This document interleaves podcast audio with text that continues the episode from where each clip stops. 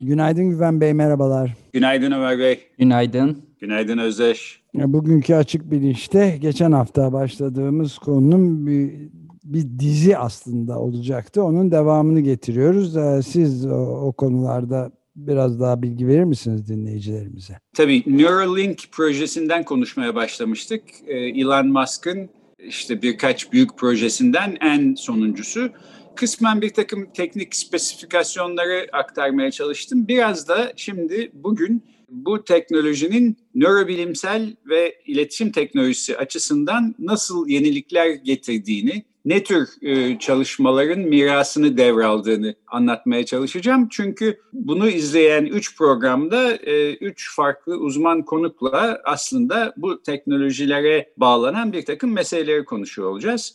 Bir de bu Neuralink projesinin daha geniş e, bir çerçevede değerlendirilmesi gereken sonuçları var. Yani eğer Elon Musk'ın dediği gibi çalışacak olursa bu Neuralink cihazı hepimiz beynimize birer Neuralink taktırırsak mesela onun aracılığıyla haberleşiyor olabiliriz. İletişim için illa her zaman yaptığımız ilkel yöntemi kullanmaya yani ağzımızı açıp havada işte titreşimler yaratarak sesle birbirimizle iletişime geçmemize gerek kalmayabilir. Öyle olursa hatta eğer birbirimizin e, zihninden geçenleri direkt olarak erişerek e, anlayabiliyorsak o zaman belki yalanın olmadığı bir dünya da söz konusu olabilir. Çünkü insanın dudaklarından dökülmese de zihninden geçen gizli şeyleri belki anlıyor olabiliriz. Böyle şeyler mümkün mü değil mi? Bunlar e, daha ziyade böyle bilim kurgusal meseleler. E, bunları da aslında konuşmak isterim. Çünkü en azından bu teknoloji hangi ihtimallerin kapısını açıyor, hangisini ise yalnızca şimdilik bir temenni olarak bırakıyor. Bunu değerlendirmek önemli diye düşünüyorum. E, çünkü yani Elon Musk sonunda bir ürün pazarlamaya çalışan bir adam. E, onun dedikleri belki e, terazinin bir kefesinde, diğer kefesinde de ama gerçekten bilimsel açıdan e, bir değerlendirme doğru olabilir. Fakat bunları bu seriyi bitirirken bu geniş meseleleri konuşalım diyorum. Çünkü biraz daha bu teknik spesifikasyonlarından bahsetmek isterim. Şimdi şuradan başlayayım. Beyin bilimlerine baktığımızda bu Neuralink gibi cihazların en az üç şekilde kullanılabileceğini görüyoruz. Ben azından öyle görüyorum. Ee, bir tanesinden geçen hafta biraz bahsetmiştik. Şöyle bir örnekle yeniden hatırlatayım. 1960'lı yıllarda Oxford Üniversitesi'nde bir e, beyin cerrahı Walter Gray diye bir adam, bir hekim bir konuşma veriyor. Bu konuşmasında şöyle bir deney yaptığını anlatıyor. Beyin ameliyatı olacak hastaların yani kafa tasları açılmış, beyinleri ekspoze olmuş durumda ameliyattan önce e, beyinlerinin e, motor korteksi denilen yerine bir takım elektrodlar yerleştiriyor. Ve bu hastaların haberi olmadan bu elektrodlardan gelecek sinyalleri de bir slide makinesine bağlıyor. Şimdi slide makinesi nedir? E, bunu hiç hayatta duymamış olan dinleyiciler olabilir. Biz yaşlılar e, daha ziyade biliyoruz. Diapozitif diye tabii bir şey vardı. Slide da deniyor buna. Bunları göstermek için bir projektör. Onun bir karuseli vardı. Slide'ları oraya oturtursunuz. Bir de e, kumanda cihazı. Her düğmesine bastığınızda bir sonraki slide'ı gösterir. Yani bugün PowerPoint ile dijital olarak yaptığımız şeyin analog bir e, şekilde gösterilmesi teknolojisiydi. O zamanlarda ancak öyle teknolojiler var. Walter Gray de bu hastanın eline, hastalarının eline bir kumanda cihazı veriyor. Diyor ki bak e, sen istediğin zaman şu ileri tuşuna basarak bir sonraki slaydı, bir sonraki slaydı çevir. Orada 10-12 tane slide var. E, onların önce hepsine bakmanı istiyorum diyor. Fakat hastanın haberi yok ama aslında o kumanda cihazı bir yere bağlı değil. Yani o kumanda cihazına parmağıyla bastığı zaman cihaza bir sinyal göndermiyor hasta. Fakat parmağıyla basması için beyninin motor korteksinden e, kaynaklanan sinyal doğrudan başka bir bağlantı e, vesilesiyle ve amplifiye edilerek slide makinesine gidiyor ve slide makinesini çeviriyor. Yani şöyle de bunu anlayabiliriz. Şimdi ben gelsem mesela ben hasta değilim, hasta yakınıyım. O düğmeye bassam hiçbir şey olmayacak. Çünkü olması gereken şey hastanın beyninde bir sinyal oluşması. O sinyalde hasta parmağıyla o düğmeye bastığı zaman oluşuyor. Hasta sanıyor ki ben düğmeye bastım diye e, slide makinesi e, bir, bir sonraki slide'ı gösteriyor ama halbuki beyniyle ilgili. Ama tabii hastalar biraz şunu da anlıyorlar. Yani sinir sistemimizde sonuçta bir sinyalin beyinden mesela parmak ucumuza gitmesi zaman alan bir şey. E, bu sinyallerin belli bir akış hızı var. Siz o düğmeye basıyorsunuz ondan sonra slide bir sonraki slide gösteriliyor. Burada çok küçük de olsa bir zaman aralığı söz konusu. Halbuki kişinin beyninden doğrudan sinyal gidip bir sonraki slaydı gösterdiği zaman e, hastalar şöyle diyorlar. Yani sanki bu makine benim zihnimi okuyor. Ben tam basmak üzereyken e, çeviri veriyor. Bir sonraki slayta geliyor. Yani yanlış bir şey yapmıyor ama hep böyle hani 3-5 milim önünde gidiyor gibi makine. E tabii olması gerektiği gibi aslında yani. Bu deneyin şeyi bu. Kurulumu böyle, tasarımı böyle. Walter Gay bu çalışmayı bir yerde yayınlamamış. Ben en azından görmedim. E, ama e, o zamanlar Oxford Üniversitesi'nde bir doktora, genç bir doktora öğrencisi olan felsefeci Daniel Dennett. E, bence yaşayan felsefeciler arasında en ilginç ve yaratıcı felsefecilerindendir. E, Consciousness Explained diye bir kitap yazmıştı e, bilinç hakkında. Orada bundan bahsediyor. Bu e, gittiği konuşmada Walter Green yaptığı deneyden. Ben de oradan aktardım.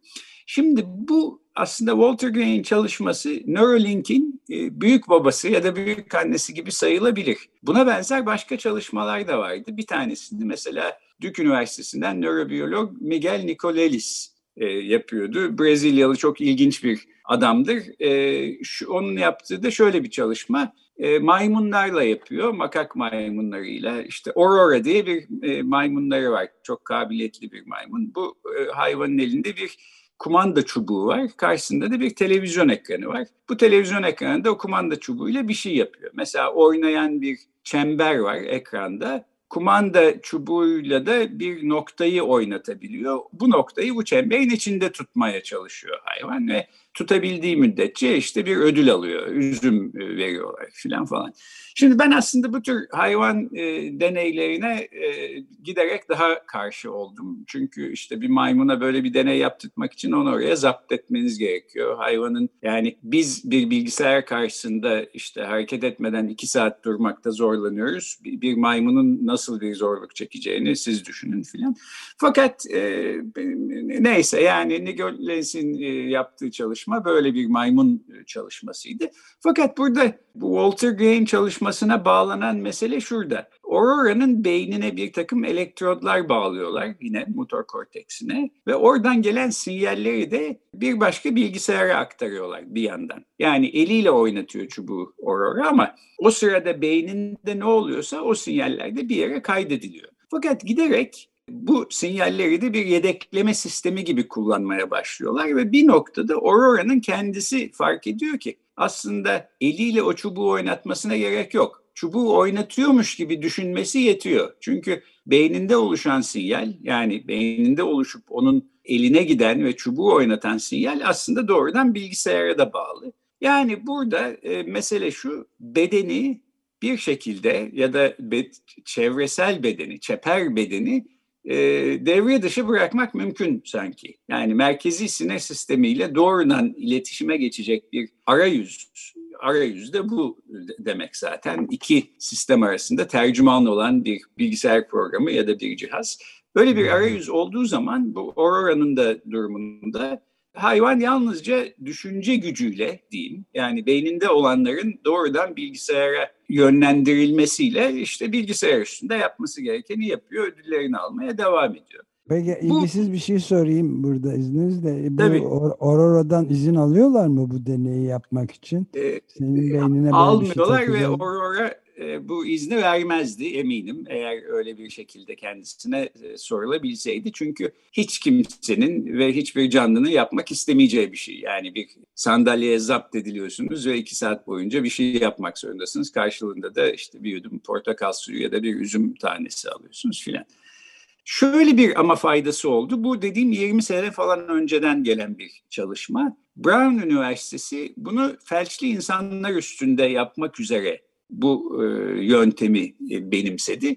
Orada da şöyle bir işte yani ben birkaç hastayla yapılan çalışmayı izledim. Mesela bir tanesinde felçli bir adam hiçbir yanını oynatamıyor. Bir tek işte gözlerini oynatabiliyor filan. E, beyninden aşağı e, hiçbir yerine komuta edemiyor bedeninin. Fakat buna benzer bir cihaz beynine yerleştirildiği için karşısındaki bilgisayar ekranında işte imleci istediği yere götürebiliyor. Harfleri seçerek mesela bir mesaj yazabiliyor. Yani düşünce gücüyle bir şekilde bedeni çalışmıyor bile olsa başka cihazlara kumanda edebiliyor. Benzer bir şeyi işte 15 sene önce mesela bir kazada felç geçirmiş bir kadınla yapıyorlar. E, o da bir bilgisayara değil bir bilgisayar bir robot kolunu hareket ettiriyor. Ona kumanda ediyor. Yani e, bir kez böyle bir arayüz insanın beynine entegre edildikten sonra e, yapılması gereken tek şey o arayüzle uyumlu başka cihazlar icat etmek. İşte bu bir bilgisayar da olur, bir robot kolu da olur. Bu robotun kolu da mesela kadının zihninden geçenlerle yönlendirilerek işte bir bardak suyu alıp kadının dudaklarına kadar götürebiliyor ve o suyu içmesini sağlıyor. Evet, Bu sakat kadın... insanlardan tabii e, izin almak çok daha kolay ve hatta yardımcı da olabilir bunun gibi ama e, kesinlikle evet. Yani bu kadın zaten... sakat olsaydı belki daha makul karşılanabilirdi böyle bir şeyi gidermek için. Evet yani şimdi burada parantezinde söyleyeyim bu konunun programı bu programın konusu değil ama burada ahlaki bir aslında açmaz var. Yani bu kadının hayatını değiştiren bir teknoloji bu. Diyor ki ben 15 senedir ilk defa birisinden rica etmeden bir bardak su içebildim. Evet. Yani e, burada tabii bunu mesela daha da büyütebiliriz. Bir robot kolunu hareket ettiriyor ama bir robotik bedenin içine bu insanlar e, oturtulabilir ve o robotik bedeni de idare edebilirler. İşte bir yerden bir yere yürüyerek e, gidiyor olabilirler. Bunlar böyle gayet bilim kurgusal şeyler fakat aslında bugünlerde olmakta olan teknolojik gelişmeler bunları mümkün kılıyor. Öte yandan bu çalışmaları mümkün kılan şey işte Aurora'nın orada saatlerce e, bir üzüm karşılığında işte zapt olunması, e, deneye katılmaya mecbur bırakılma. Aurora ve Aurora gibi yüzlerce binlerce belki maymunun bundan ibaret de değil. Şimdi bütün bunlar düşünüldüğü zaman hayvan deneylerini tümüyle mi e, yasaklamalıyız yoksa bir kısmını mı yasaklamalıyız ne yapmalıyız filan konusunda ciddi bir felsefi aslında sorun ortaya çıkıyor. Bunu belki başka bir programda ele alırız. Evet, Ama e, denetimsiz şekilde yapılan hayvan deneyleri ise aynen yani birbirinden korkunç e, örnekler içeriyor. Buna tamamıyla e, karşı olduğumu ve e, okudukça, öğrendikçe e, bunu daha iyi e, gördüğümü burada söylemeliyim. E, şimdi bu üç yöntem var demiştim. Nörobilimde kullanılabilecek bu Neuralink teknolojisinin. Birincisi bu. Yani siz bedeninizi aradan çıkartıp bir arayüz vasıtasıyla çevrenizdeki diğer cihazlara komuta eder hale geliyorsunuz. Bu biraz telefonun Bluetooth teknolojisi gibi. Yani e, akıllı telefonunuzda Bluetooth diye işte yeni bir iletişim e, protokolü var. Bunu açtığınız zaman etrafınızda bu protokolle çalışan hangi cihazlar varsa bunları arayıp görüp buluyor sizin telefonunuz ve hangisine bağlanmak istersiniz diye size soruyor. İşte bir hoparlör varsa mesela ona bağlanıyor. Dolayısıyla televizyonunuzda çaldığınız, e, telefonunuzda çaldığınız müzik hoparlörden e, e, dinler hale geliyorsunuz. E, benzer şeyleri yapmak doğru arayüzü insan beynine yerleştirebilirsiniz mümkün ve bu bence Neuralink'in en gelecek vadeden ve gerçekçi ileride olabilecek e, gelişmelerinden bir tanesi.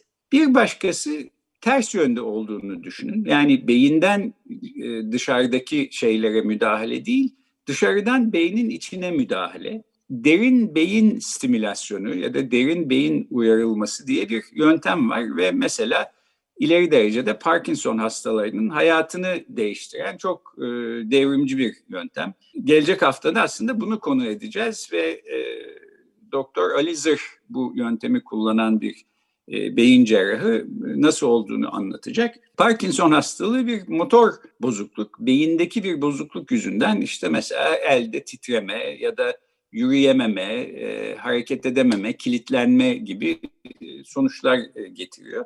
Ve ileri derecede bir Parkinson hastasının yaşamını son derece zorlaştıran bir şey.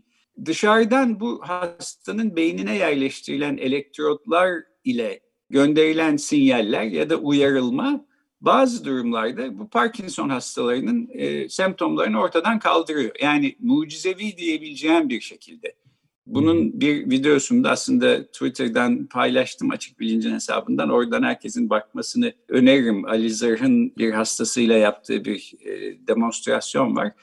Başka türlü ilaçla şunla bununla hiçbir şekilde iyileşmeyen ve e, işte eli o kadar titriyor ki mesela adam bir bardak suyu alıp içemiyor. İleri derecede Parkinson hastası. Fakat bu elektrodlar beynine yerleştirildiği ve doğru sinyaller gönderildiği zaman birden hareketleri normalleşiyor. Parkinson semptomları sona eriyor.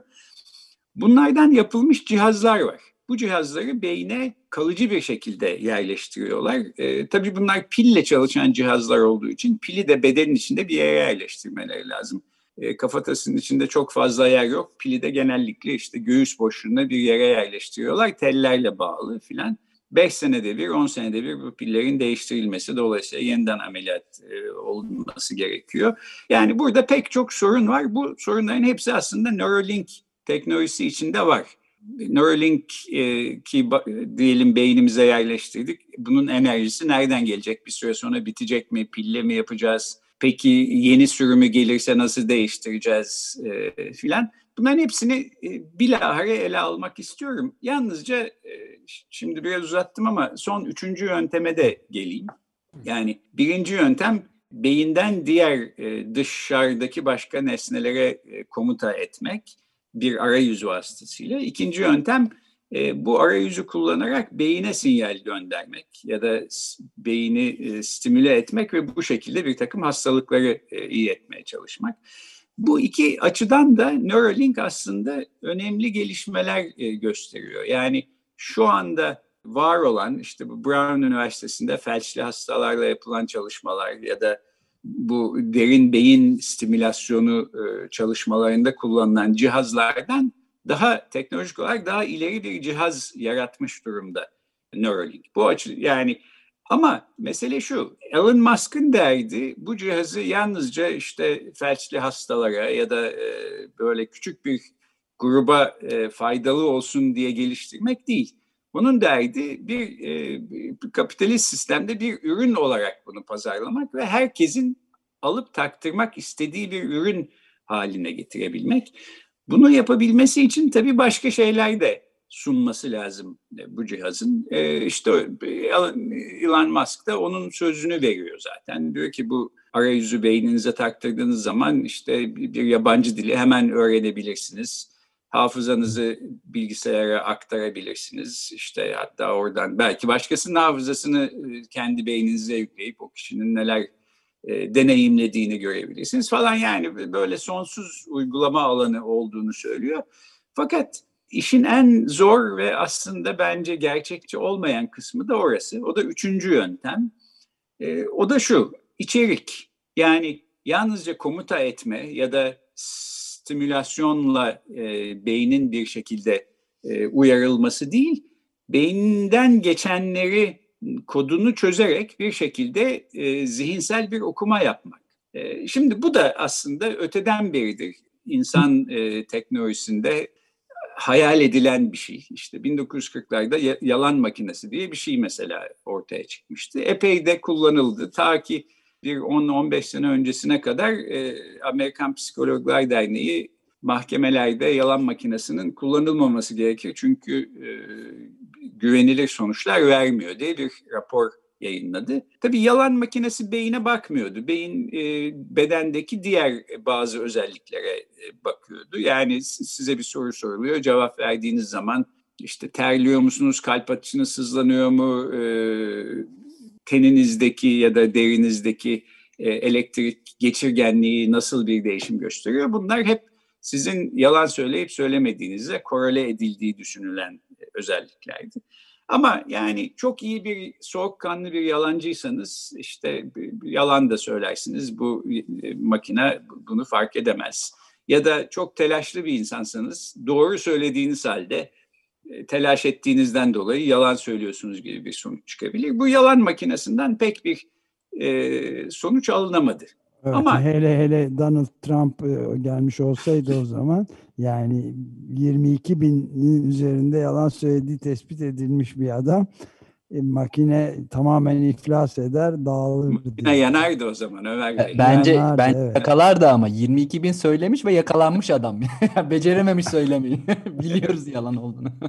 Önemi yok. Şimdi ama bu Neuralink gibi bir cihaz olsa ve insan beynine takılsa ve bu mesela sizin beyninizden geçenlere bakarak zihninizden geçenleri bir şekilde kodunu çözse. Ben ta yıllar önce e, bir film e, seyretmiştim. Şimdi adını hatırlayamıyorum ama insanları böyle bir makineye bağlıyorlar. E, rüya görürlerken işte beyinlerinden geçeni okuyarak onu bir içeriye çeviriyor ve bir perdede gösteriyor mesela.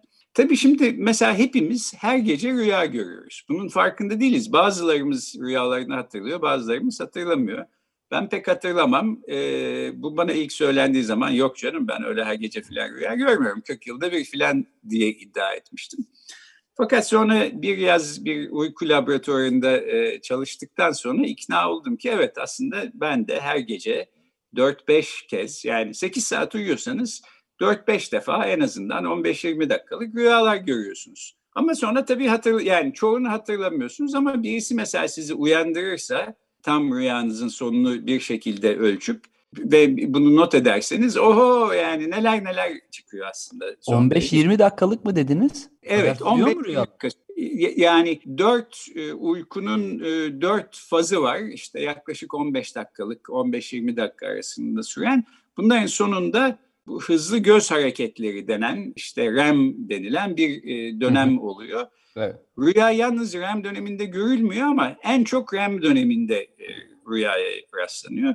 İşte hani bir bir şeyle bir cihazla mesela senin göz hareketlerini ölçe, ölçmek mümkünse bu REM döneminin en sonunda ben seni 15. dakikada ya da neyse 18. dakikada uyandırırsam o zaman sen hatırlıyorsun. E, rüyalarını hatırlaman daha olası hale geliyor. İşte yanında da bir rüya defteri varsa ve yazarsan ve ben bunu her gece beş defa sana yaparsam çünkü bu böyle yaklaşık 90 dakikada bir sörkülü olan bir dönemden bahsediyoruz.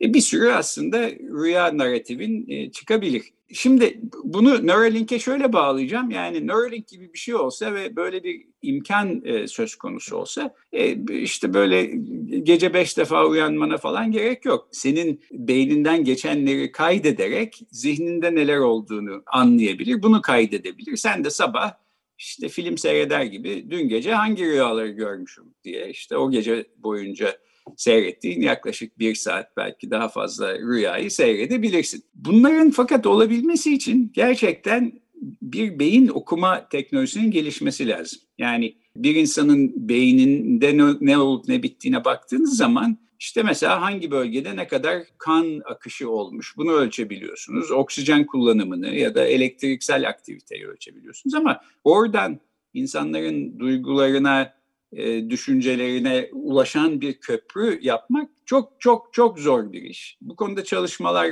var. Daha önce bu e, meselelerden de birkaç programda bahsetmiştik ama son derece başlangıç noktasında ve Neuralink'in bu işi yapabileceğine benim hiç aklım kesmiyor. Her ne kadar e, Elon Musk böyle sözler e, verse de son derece cömert bir şekilde söz vermeye geldiği zaman iş. Onun da nedenini şöyle söyleyeyim. Bu Neuralink cihazının e, geçen hafta bahsetmiştim 1024 tane elektrodu var. Bunları e, üstelik beyinde dağılmış bir şekilde e, de bağlayamıyorsunuz. Yani beynin bir bölgesini seçmek zorundasınız ve bu 1024 elektrodu 1024 nörona temas edecek şekilde yerleştiriyorsunuz. Fakat insan beyninde yaklaşık 100 milyara yakın nöron var. Yani siz bu 100 milyarın içinden bin tanesini, 1024 tanesini seçip oradan bu 100 milyar nöronun yaptığı işin bir şekilde temsilini e, elde etmeye çalışıyorsunuz. Bu bana imkansız gözüküyor. Yani 100 milyarda bin işte yaklaşık 100 milyonda bin bir falan ediyor yanlış hesaplamadıysam. Bu da şunun gibi bir şey demektir. Türkiye'de yaklaşık diyelim 100 milyon kişi olsun. Yok ama hani nüfusunu 100 milyon kabul edelim. Bir kişi seçeceğiz Türkiye'den ve o bütün Türkiye hakkında bize bir fikir verecek. Ee, böyle bir şey. Ee, bu e, pek imkan dahilinde değil. Dolayısıyla özellikle mesela hafıza için beynin pek çok bölgesinde aktivasyon olması gerektiği ve hafızanın böyle dağıtılmış bir şekilde yer aldığı filan da düşünülürse beynin tek bir yerine işte bir Neuralink cihazı yerleştirdiniz. Bin tane de elektrodu batırdınız nöronlara. Buradan aldığınız bilgiyle işte hafızanızı bir bilgisayara kaydettiniz filan. Bunlar bana tamamıyla e, yalnız imkan dışı değil, ihtimal dışı gibi de gözüküyor. Gözüküyor. Galiba süreyi de bitirdik. Gelecek hafta bunu devam evet, ettireceğiz gelecek hafta işin bu beyin cerrahisi kısmıyla e, devam edeceğiz. Neuralink projesinin bir genel değerlendirmesinde bu seri bittiğinde son bir programda yapacağız. Şimdilik burada durayım. Yaparız. Peki çok teşekkür ederiz Güven Bey. Ben teşekkür ederim. Görüşmek üzere. Aa, Görüşmek üzere. Görüşmek üzere. Hoşçakalın.